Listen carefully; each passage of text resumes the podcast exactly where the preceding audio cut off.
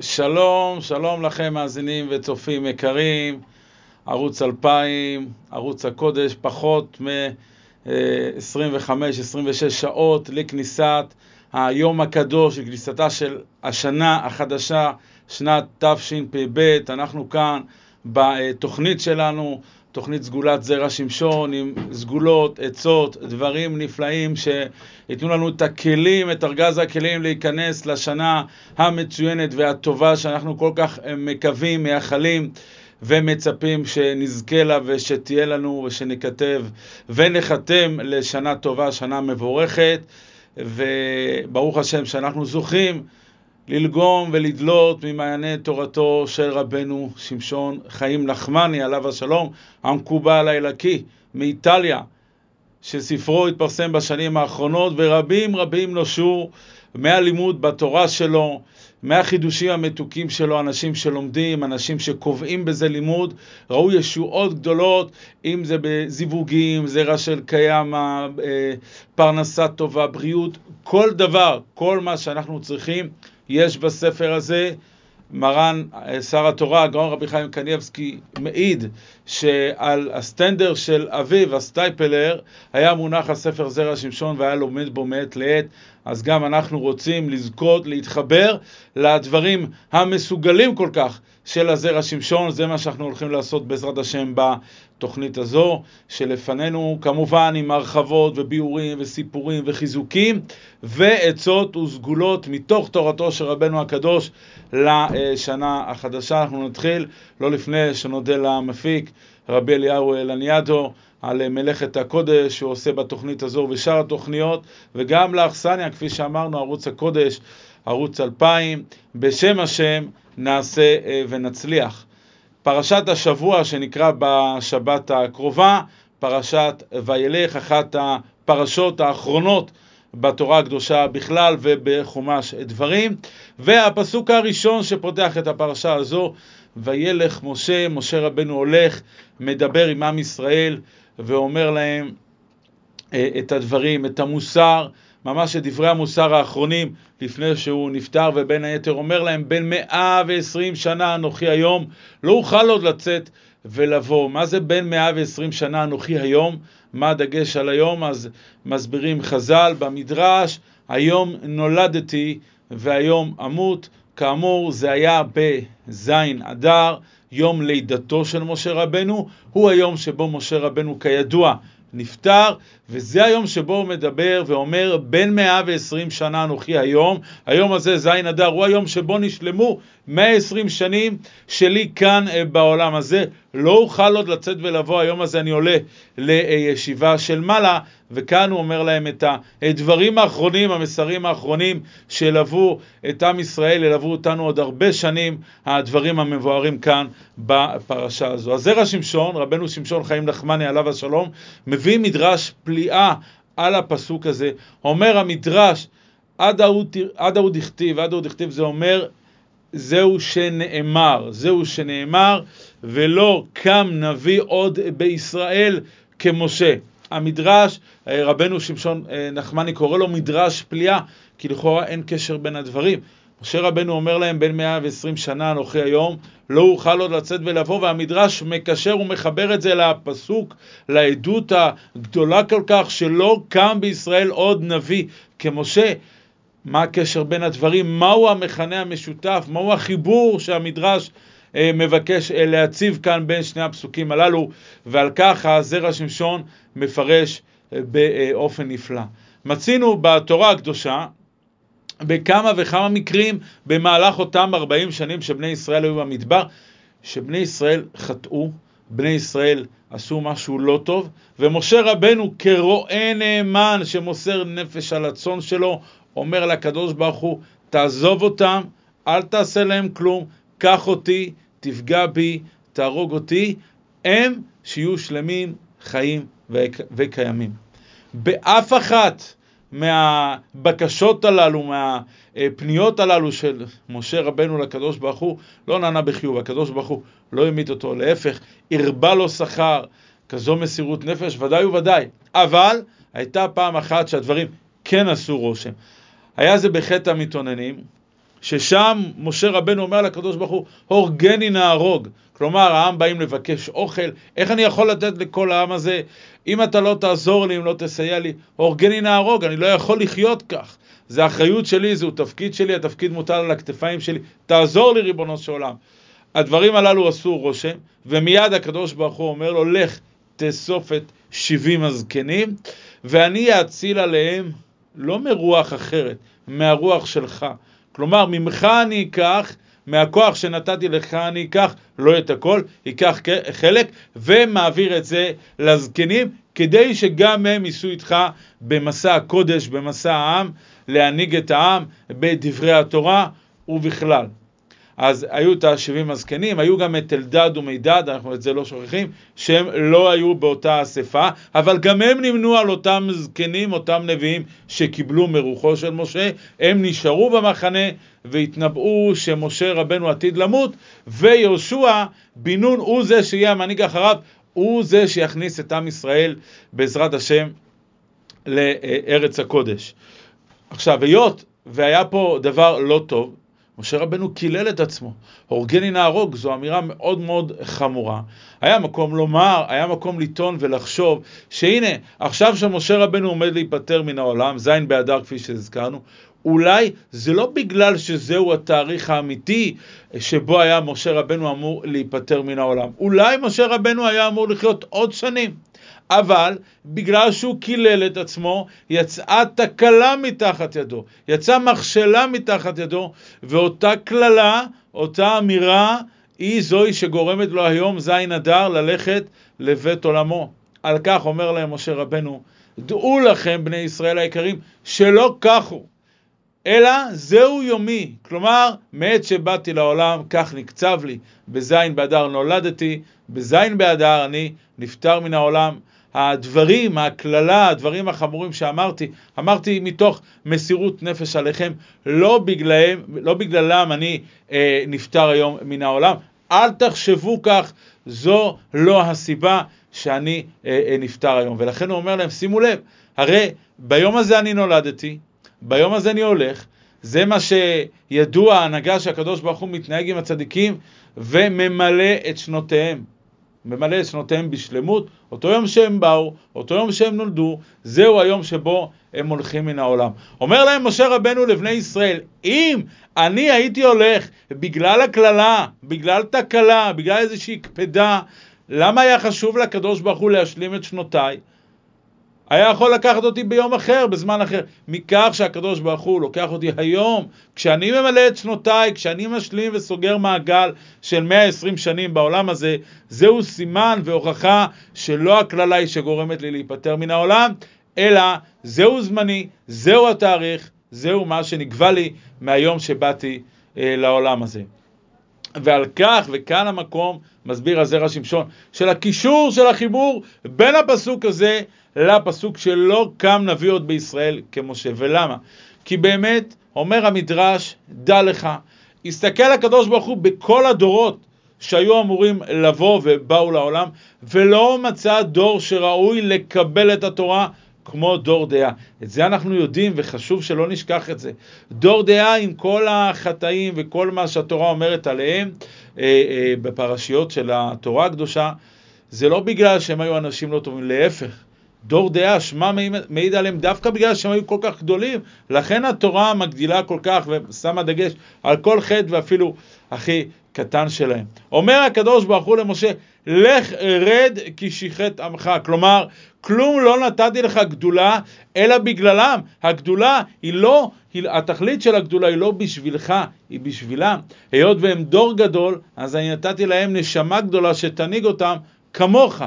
וממילא ברגע שהדור הזה תם, והדור הבא שהולך להיכנס לארץ זה דור אחר, זה דור שהוא פחות במדרגתו מדור האבות שקיבלו את התורה, הם לא ראויים למנהיג כמוך, ולכן, היות והם הולכים, גם אתה תיפטר מן העולם. אומר הזרע שמשון, לכן התורה מדגישה ואומרת, לכן המדרש אומר, אה, אה, מקשר בין הפסוקים. ולא קם נביא בישראל כמשה. למה התורה מספרת ומדגישה את זה? תדע לך, למה לא קם עוד נביא? כי אין דור שהוא יהיה כמו הדור שבו היה משה רבנו המנהיג, ולכן משה רבנו, הנשמה הגדולה הזו, לא יהיה דור עוד שיזכה לכזה מנהיג, כי כמו שאין דור כדור המדבר, כך אין מנהיג כמו משה רבנו שיעמוד אחריו. וזה משלים וזה מתחבר למה שאמרה התורה. מה שאומר משה רבנו, בין 120 שנה אנוכי היום, לא אוכל עוד לצאת ולבוא. היום אני משלים את שנותיי, היום אני הולך, אני לא מת, לא נפטר בגלל קללה כזו או אחרת. ולמה אני הולך? כי אתם הולכים. כי הדור האבות, דור המייסדים מה שנקרא, הוא הלך מן העולם, תם וחלף לו. אני המנהיג שלהם, המנהיג לא נשאר מאחורה, המנהיג הולך עם הדור ביחד. זהו פירושו הראשון בפרשה של זרע שמשון. אה, מפרש בצורה נפלאה ביותר את המדרש אה, פליאה הזה שאמרנו כעת. על כל פנים אנחנו רואים מכאן את הנקודה הזו שהכל קצוב, אין דברים שקורים במקרה, הכל נגבה. כשאדם בא לעולם הזה, כבר כתוב לו מראש מתי הוא ילך מן העולם. והזמן שבאמצע הימים, החודשים, השנים, זהו זמן שהוא צריך לנצל כדי לקחת ולחטוף כמה שיותר זכויות, לדבור לעצמו מצוות שהוא מקיים, שהוא עושה, כדי שבעזרת השם לאחר פטירתו יגיע לבית דין של מעלה עם המון המון זכויות שיזכו אותו לגן עדן. הנקודה היא שיש לנו גם ניסיונות, יש לנו אתגרים, והאתגרים הללו נועדו כדי לבחון אותנו כמה אנחנו חזקים בעבודת השם שלנו, כמה האמונה שלנו יצוקה וחזקה, אנחנו לא נרתעים, לא מתבלבלים משום ניסיון כזה או אחר. וזה ניסיון לזה הוא מבחן מאוד מאוד גדול. מסופר על אדם אחד שהיה לו חמור, החמור היה זקן מאוד, ויום אחד החמור הלך אה, בחצר של אותו אדם, בחצר היה בור, והחמור נפל לתוך הבור. אמר הבעלים, למה אני אתאמץ כל כך עכשיו להוציא את החמור מן הבור? הרי החמור הזה זקן, והבור, בלאו הכי, הייתי צריך כבר הרבה זמן לסגור אותו. דחיתי את זה. ודבר שלישי, יש לי גם פה בחצר כלים ישנים שאני לא משתמש בהם ואני תכננתי בלאו הכי לזרוק אותם. אז אולי נעשה את מה שנאמר והחוט המשולש לא במהרה ינתק. נשאיר את החמור בפנים, נזרוק עליו את הכלים, נכסה, נקבור אותו ככה, הוא ימות שם, אני אכסה את הבור, יתפטר גם מהכלים ושלום על ישראל, ככה אני ארוויח מכל הצדדים. ובאמת כך הוא החל לעשות. הוא התחיל לזרוק את הכלים לתוך הבור על ראשו של החמור. החמור הסתכל למעלה, הוא רואה את הכלים שנוחתים עליו. הוא הבין מה שקורה, אבל הוא החליט לא להתבכיין ולא לוותר. הוא השתמש באותם כלים כסולם, הוא התחיל, התחיל להתאמץ ולטפס על הכלים עד שהוא אכן יצא לבסוף מן הבור החוצה. זוהי אה, אגדה נפלאה, ויש בה המון המון מסר לחיים שלנו. לפעמים וכל אדם זה, זה קורה, כי כל אדם יש לו ניסיון, יש לו ניסיונות, יש לו אתגרים, יש לו קשיים. זורקים עלינו מן השמיים, מערימים עלינו מן השמיים ניסיונות כאלה ואחרים. פתאום אדם יש לו איזה קשיים באמונה, פתאום יש לו קשיים בפרנסה, יש לו קשיים בתחומים מאוד חשובים של החיים, הוא לא יודע איך להתמודד, הוא מרגיש שכל העולם מסביבו מתמוטט, הכל קורס, כל מה שהוא בנה בעמל רב נופל מול העיניים שלו, הוא לא יודע מה לעשות. זהו ניסיון גדול. מה התשובה? מהי הדרך? כיצד בכל זאת לשרוד וכן להצליח, כן להרים את הראש מעל המים? התשובה היא להבין שמי שנותן לי את הניסיונות הללו זה בורא עולם. הם לא באים במקרה, זה לא איזשהו דבר שבא מאליו. בורא עולם מערים עליי את הקשיים הללו. ולמה הוא עושה את זה? כי הוא רוצה להרים אותי, בדיוק כמו אותו חמור, שבמקום אה, להתבכיין ובמקום לוותר, הוא טיפס על הכלים, ככה אנחנו צריכים לדעת. הדבר הכי קל זה פשוט לבכות ולכאוב, להיכנס מתחת לשמיכה, לחכות שהימים האלה יעברו. לא זה מה שהקדוש ברוך הוא רוצה. הקדוש ברוך הוא אומר, אני הבאתי לך את הניסיון, ואומר שאני נתתי לך גם את הכלים ואת הכוח ואת היכולת להתמודד ולהתגבר על זה. זה תלוי רק בך. אז תקום, תתגבר, תתאמץ, תתחזק באמונה שהכל מת השם יתברך, ובעזרת השם הזכות הזו של ההתחזקות באמונה, היא תעזור לך להתגבר על כל הקשיים וכל הניסיונות הללו שמביאים לך. היה צדיק בשם רבי משה לייב מססוב. הוא היה מצטיין מאוד במצווה של פדיון שבויים. היה, כל מקום שהוא היה שומע על איזה משפחה או על איזה יהודי ששבו אותו הגויים, היה הולך ואוסף כסף כדי להציל אותו. פעם אחת, משמיים, הוא בעצמו נשבה. הוא הלך ביער, תוך כדי שהוא היה עסוק במצווה הזאת של פדיון שבויים, ובאו שודדים ושבו אותו. לקחו אותו למסתור שלהם שהיה בלב היער, ושם הוא מגלה שראש השודדים הוא אדם שהוא אה, התארח אצלו בבית, הוא יהודי והוא מכיר אותו, הוא אמר לו, כבוד הרב, אל תדאג, אני שומר עליך, הכל בסדר, אבל היות והרב כבר פה, אז הנה, יש לי פה את הבן שלי, הקטן, הוא לא יודע כלום, לא חומש, אפילו לא אותיות, לא משנה ולא גמרא, אז הרב ילמד אותו. הרב ילמד אותו. אנחנו השודדים במהלך היום יוצאים לפשיטות, לגנבות, והרב יישאר פה, הרב ילמד עם הילד, ובעזרת השם שהילד יהיה, יהיה לו קצת אה, מושגים. הרב אמר, בסדר, אבל מה? התחיל ללמד את הילד, הילד לא קולט כלום, לא מבין. הקדוש ברוך הוא לא חנן אותו בכישרון. כמה שהרב ניסה, והוא באמת ניסה, לא הצליח. האבא היה מגיע בערב, שואל את הבן, נו, מה למדת היום? והבן לא עונה, כי באמת הוא לא למד, הוא לא הבין, השכל לא קלט כלום. כשאבא ראה את זה, היה מתחיל להרביץ לו, ומכות קשות, היה נותן בו סימנים, מה שנקרא. ועוד סטירה ועוד אגרוף, איך אתה לא מבין, ומה יצא ממך? וכך עוד יום ועוד יום ועוד יום. אחרי שעברה תקופה, ואבא כבר ראה שלא שייך, הבן לא לומד כלום, והצדיק נמצא פה סתם אה, ולחינם, הוא אמר לו, תשמע, אני אשלח את הבן שלי איתך, שיראה לך איך יוצאים מהיער, ותלך לביתך לחיים טובים ולשלום. ואכן אותו ילד ליווה את רבי משה לייב אל מחוץ ליער, ובדרך שאל אותו הצדיק שאלה מאוד חשובה, אומר לו, תראה, יום יום, ערב ערב, אתה חטפת מכות שבן אדם רגיל, לא ילד, אפילו בן אדם רגיל לא היה מסוגל לחטוף. איך אתה עומד בזה? איך עמדת בזה? איך אתה מסוגל לחטוף כל כך ולשתוק? הילד אמר לו, כבוד הרב, תראה, אתה יודע, אצלנו בשודדים מלמדים אותך מגיל קטן לספוג. למה? כי אם יקרה שתפסו אחד מאיתנו, הרי מן הסתם יכו אותו וירביצו לו כדי שיגלה על שאר השודדים.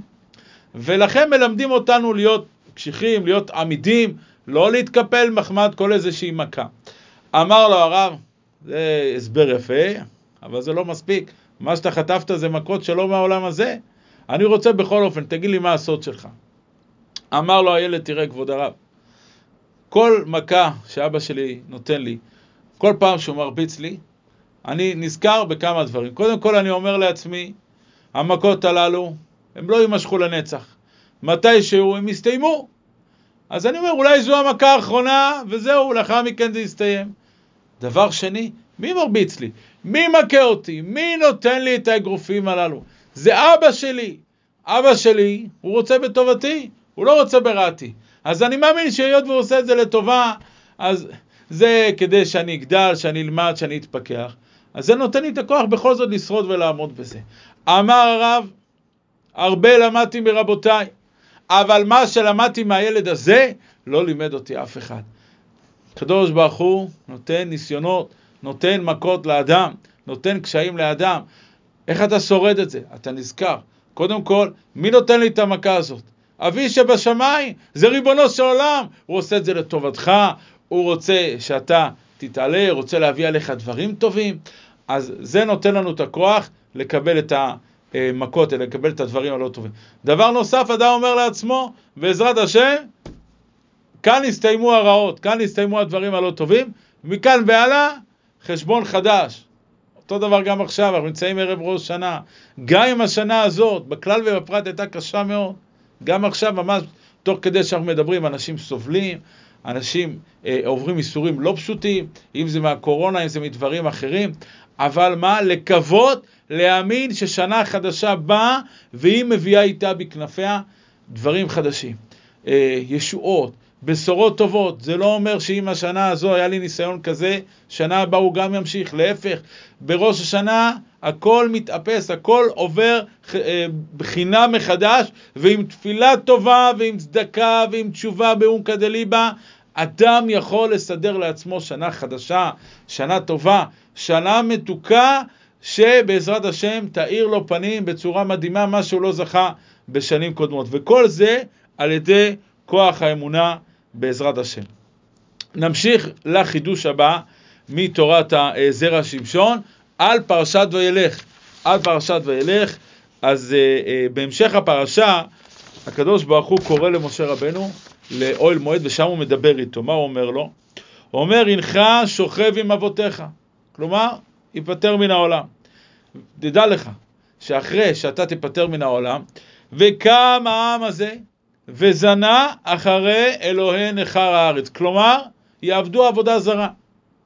אז זרע שמשון עומד על כך שמהפסוק הזה רואים שהקדוש ברוך הוא בעצם אומר למשה רבנו, תדע לך, עקב זה שאתה תיפטר מן העולם, הם יעבדו עבודה זרה. זאת אומרת, יש חיבור בין ההנהגה של משה רבנו, שהיא מתנגדת, היא מבטלת את העבודה זרה, ובגלל שמשה רבנו ילך מן העולם, אז יעבדו עבודה זרה. הוא מסביר את העניין הזה יותר בעומק, ואומר, על פי הגמרא במסכת ערכין, בדף ל"ב עמוד ב'. הגמרא מביאה שמה שבימי עזרא הסופר ביטלו את היצע הרע של העבודה זרה. יש uh, במסכת uh, יומא, בדף סט עמוד ב', אפשר לראות שם באורך, הגמרא מספרת שבאו כל הצדיקים של הדור ואנשי כנסת הגדולה, יחד עם עזרא הסופר בראשם, והתפללו ובכו לקדוש ברוך הוא, עד שהצליחו לבטל את היצר הרע של עבודה זרה, יצא מבית קודשי הקודשים כמין אריה, כמין גור אריה של אש, וזה היה היצר הרע, הם לקחו וביטלו אותו. בקיצור, הגמרא שם שואלת, למה חיכו כל כך הרבה? למה חיכו כל הדורות עד שהגיע עזרא הסופר? רק אז ביטלו יצע הרע של עבודה זרה? הרי העבודה זרה הייתה מכשלה מאוד מאוד גדולה של הרבה דורות, למה לא ביטלו את זה כבר בהתחלה? אז הגמרא שואלת שם על משה, הגמרא שואלת שם על יהושע, אבל אני אתייחס למה שהגמרא אומרת על משה. למה משה רבנו לא ביטל את היצע הרע של עבודה זרה? הרי היה לו כוח גדול. מי לנו כמו משה רבנו? הזכרנו לפני כמה רגעים, לא קם נביאות בישראל כמשה. אומרת הגמרא, הסיבה שמשה רבנו לא ביטל את היצר הזה, בגלל שלא הייתה לו זכות של ארץ ישראל. כלומר, הגמרא שם טוענת שכדי לבטל יצר הרע של עבודה זרה, חייבים להיכנס לארץ ישראל. האדם הזה שמבקש לבטל את היצר הרע של עבודה זרה, הוא חייב שתהיה לו זכות של ארץ ישראל. לכן, הזרע שמשון בפרשת ואתחנן, הוא מסביר שם, יש לו מהלך שלם להסביר את הדברים. מדוע משה רבנו כל כך התחנן כדי להיכנס לארץ ישראל. הגמרא כבר שואלת את זה במסכת סוטה, בדף י"ד עמוד א', וכי לאכול מפריה הוא צריך, וכי לסבוע מטובה הוא צריך. אז זרע שמשון אומר לא ולא. הנקודה, העניין מה שמשה רבנו כל כך התאווה, כי הוא ידע שעם ישראל עתידים לחתור בעבודה זרה, וכאבא נאמן, כרועה נאמן, שרוצה להציל את הצאן, הוא אמר, ריבונו של עולם, בבקשה, תן לי להיכנס לארץ. אני לא יכול כאן במדבר לבטל את היצר הרע של עבודה זרה, כי כדי לבטל את היצר הזה, נדרשת זכות של ארץ ישראל. אז תן לי להיכנס לארץ, לא להרבה זמן, כדי רק שאני אזכה לזכות הזאת של ארץ ישראל, אני אבטל את העבודה הזרה, אני אבטל את היצר הרע של העבודה הזרה, וממילא עם ישראל לא ייכשלו ביצר הזה, לא ייכשלו בחטא הזה של העבודה הזרה, וגם לא יחרב בית המקדש. אבל הקדוש ברוך הוא גזר גזרה, משה רבנו לא נכנס לארץ, לא נכנס לארץ, לא הייתה לו הזכות של ארץ ישראל, לא הייתה לו הזכות של ארץ ישראל, אז הוא לא היה יכול לבטל את היצע הרע של אה, עבודה זרה, ולכן אה, זה חיכה והמתין עד עזרא הסופר. על כל פנים, אומר הזרע שמשון, לכן אומר הקדוש ברוך הוא למשה רבנו, תדע לך, הנך שוכב עם אבותיך, וקם העם הזה וזנה אחר אל, אלוהי הארץ. למה? כי היות ואם אתה לא היית הולך מן העולם, אם אתה היית נשאר, אז היית נכנס לארץ ישראל, והייתה לך זכות של ארץ ישראל, היית מבטל את היצרה של העבודה זרה, ואז ממילא לא היו עובדים עבודה זרה ולא היה נחרב בית המקדש. אבל בגלל שכך נגזרה גזרה מלפניי, אתה לא יכול להיכנס לארץ. אתה מת כאן במדבר, לא תהיה לך זכות של ארץ ישראל, לא תבטל את העץ הרע של עבודה זרה, ולכן, וקם העם הזה וזנה אחר אלוהי נכר הארץ.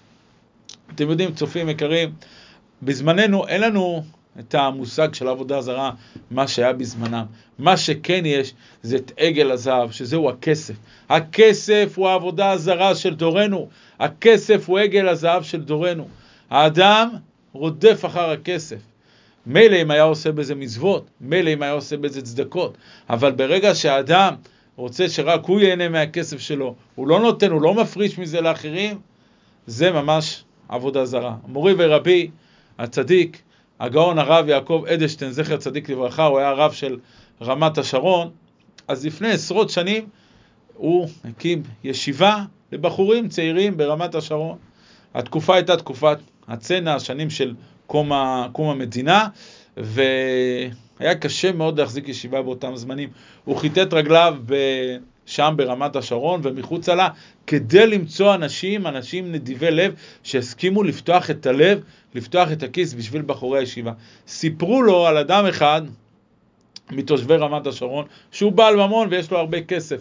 אמרו לו, הרב ילך לדבר איתו, אולי הוא יתרום, אולי הוא יסכים לעזור ולסייע בדבר.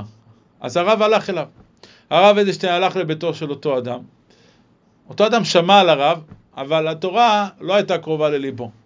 היה לו בית אה, של שלוש קומות, עם אה, גינה וחצר ענקית, זה חוץ מכל המפעלים והשטחים הרבים שהיו לו. הרב אומר לו, תשמע, יש כאן עניין גדול של עץ חיים היא למחזיקים בה ותומכי המאושר. בוא, תיתן לתורה, תיתן לתלמידי רחמים, תיתן לבחורי ישיבות, תעזור, זה יהיה לך זכות גדולה. אותו עשיר אמר לרב, כבוד הרב, הכסף שלי, אני עמדתי עליו רבות, אני הגעתי עליו הרבה מאוד, ומהכסף שלי, עד הלירה האחרונה, אז היו לירות, עד הלירה האחרונה, רק אני אהנה ממנו. אף אחד אחר בעולם לא ייהנה מהכסף שלי. אני אוכל ממנו, אני אשתה ממנו, אני אהנה ממנו, ולא אף אחד אחר. הרב יצא שם ממש בפחי נפש, באכזבה גדולה, אבל הכל משמיים. ברוך השם, הישיבה שרדה והתקיימה, יצאו משם תלמידי חכמים מאוד גדולים מהישיבה. לאחר כמה שנים, הרב הלך ברחוב שם ברמת השרון, ופתאום ניגשת אליו אישה. היא אומרת לו, הרב זוכר אותי? הוא אומר לו, לא. אומרת לו, אני אזכיר לכם. הרב זוכר את אותו יהודי, הבית, כמו שאמרנו, שלוש קומות, הרב ביקש ממנו עזרה לישיבה, והוא לא רצה, הוא אמר לרב, רק אני אהנה מהכסף שלי. אמר לרב, בטח שאני זוכר. אמר, אמרה לו, זה בעלי, האדם הזה הוא בעלי, תדע לך כבוד הרב, הבעל שלי סובל מאוד, משמיים הביאו עליו מחלות קשות מאוד, שהתרופות כל כך יקרות, את כל מה שהרב ראה, כל הדירה הזאת, את כל השטחים, הכל הכל, אנחנו מכרנו, ולא נשאר לנו כלום. כלום לא נשאר לנו. היום אנחנו עניים מרודים. איזה דבר מבהיל.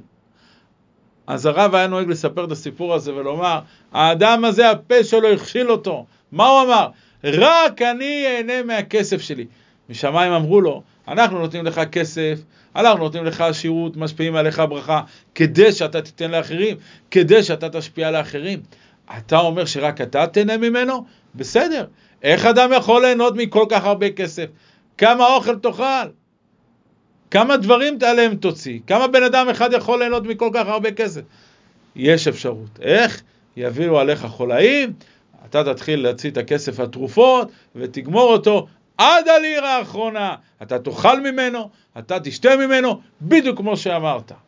זה סיפור מבהיל, וזה מלמד אותנו, צופים יקרים, כמה אנחנו צריכים להבין שהברכה, השפע, הכסף שהקדוש ברוך הוא נותן לנו, הוא לא במאה אחוז מיועד בשבילנו. הקדוש ברוך הוא מוסיף לנו כדי שניתן לאחרים. ניתן מעשרות, ניתן צדקות. הנה, עכשיו אנחנו יודעים, ותשובה, ותפילה, וצדקה מעבירים את רוע הגזרה. צדקה זה דבר גדול, צדקה זה תציל ממוות. כמה אנשים שנתנו צדקות ניצלו מדברים הכי גרועים שבעולם. אנחנו שוכחים שכל כסף, כל שקל שאדם נותן לצדקה, חוזר אליו בכפל כפליים. כותב האור זרוע, אנחנו אומרים בתפילה, זורע צדקות, מצמיח ישועות. למה? הוא אומר, אדם נתן שקל, שקל, שם אותו בקופת צדקה. הקדוש ברוך הוא לוקח את השקל הזה, שם אותו למעלה באדמה בגן עדן, כמו שזורים גרעין חיטה באדמה.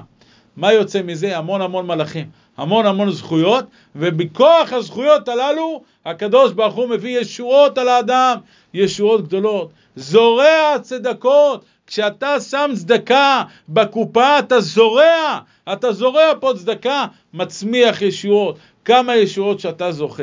מי לא רוצה ישועה? מי לא רוצה ברכה? ויש לנו כל כך בקלות. רק היצע הרע הזה של העבודה זרה, של העגל הזהב, גם אם אדם לא מוציא את זה מהפה, והאדם אומר, אני, אני עבדתי, כל כך עבדתי קשה, אני עכשיו אתן משלי לאחרים? אתה רוצה חיים?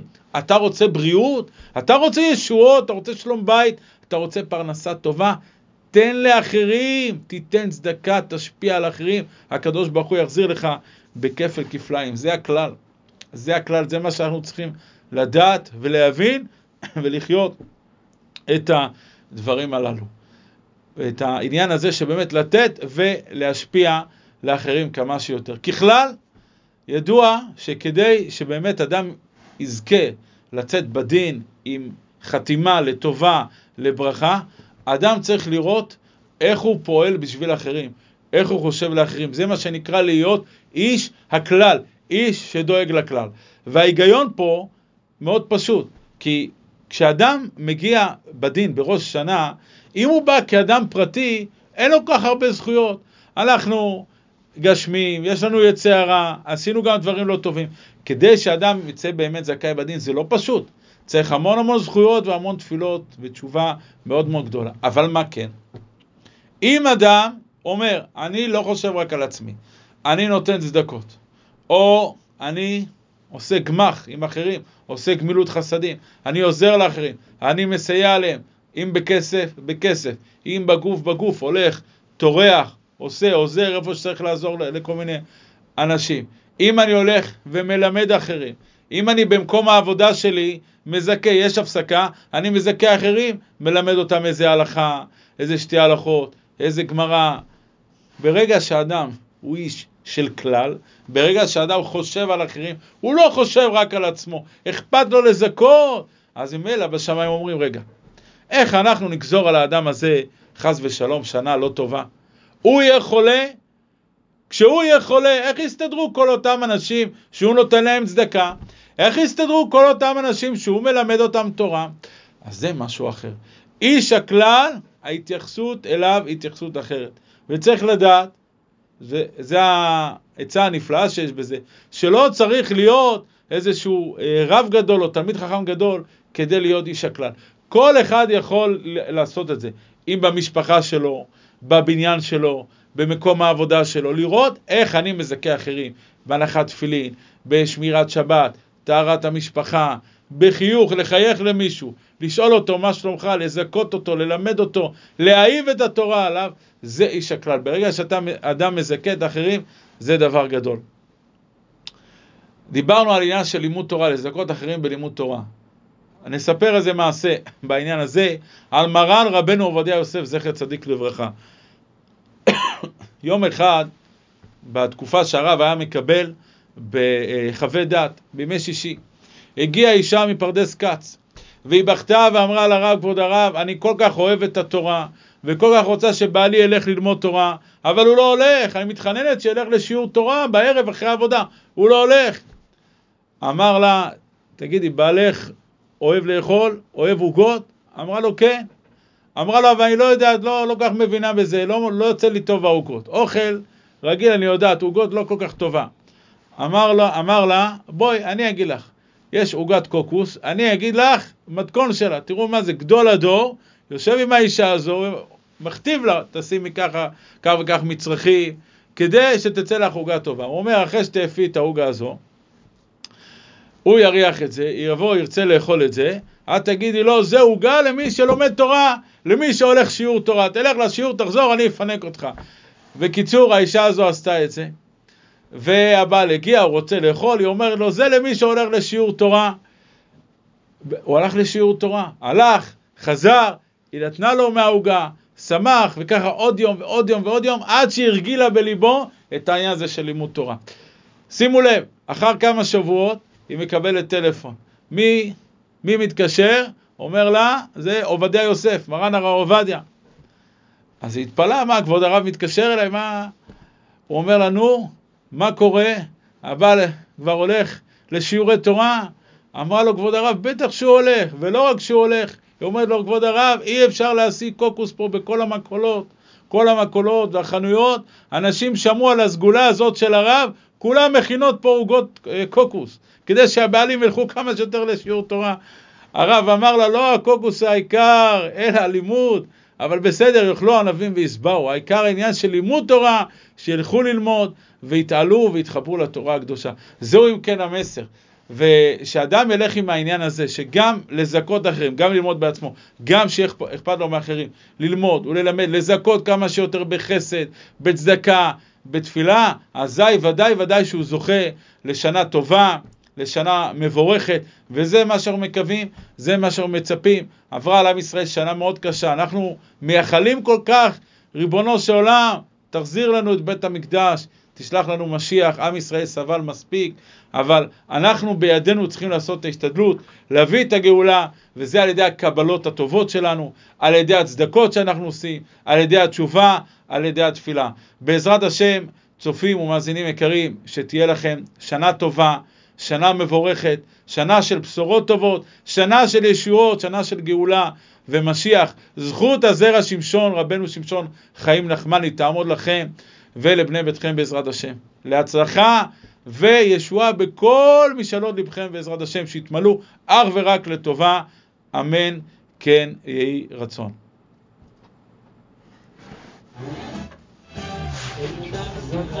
יישר כוח, תודה רבה.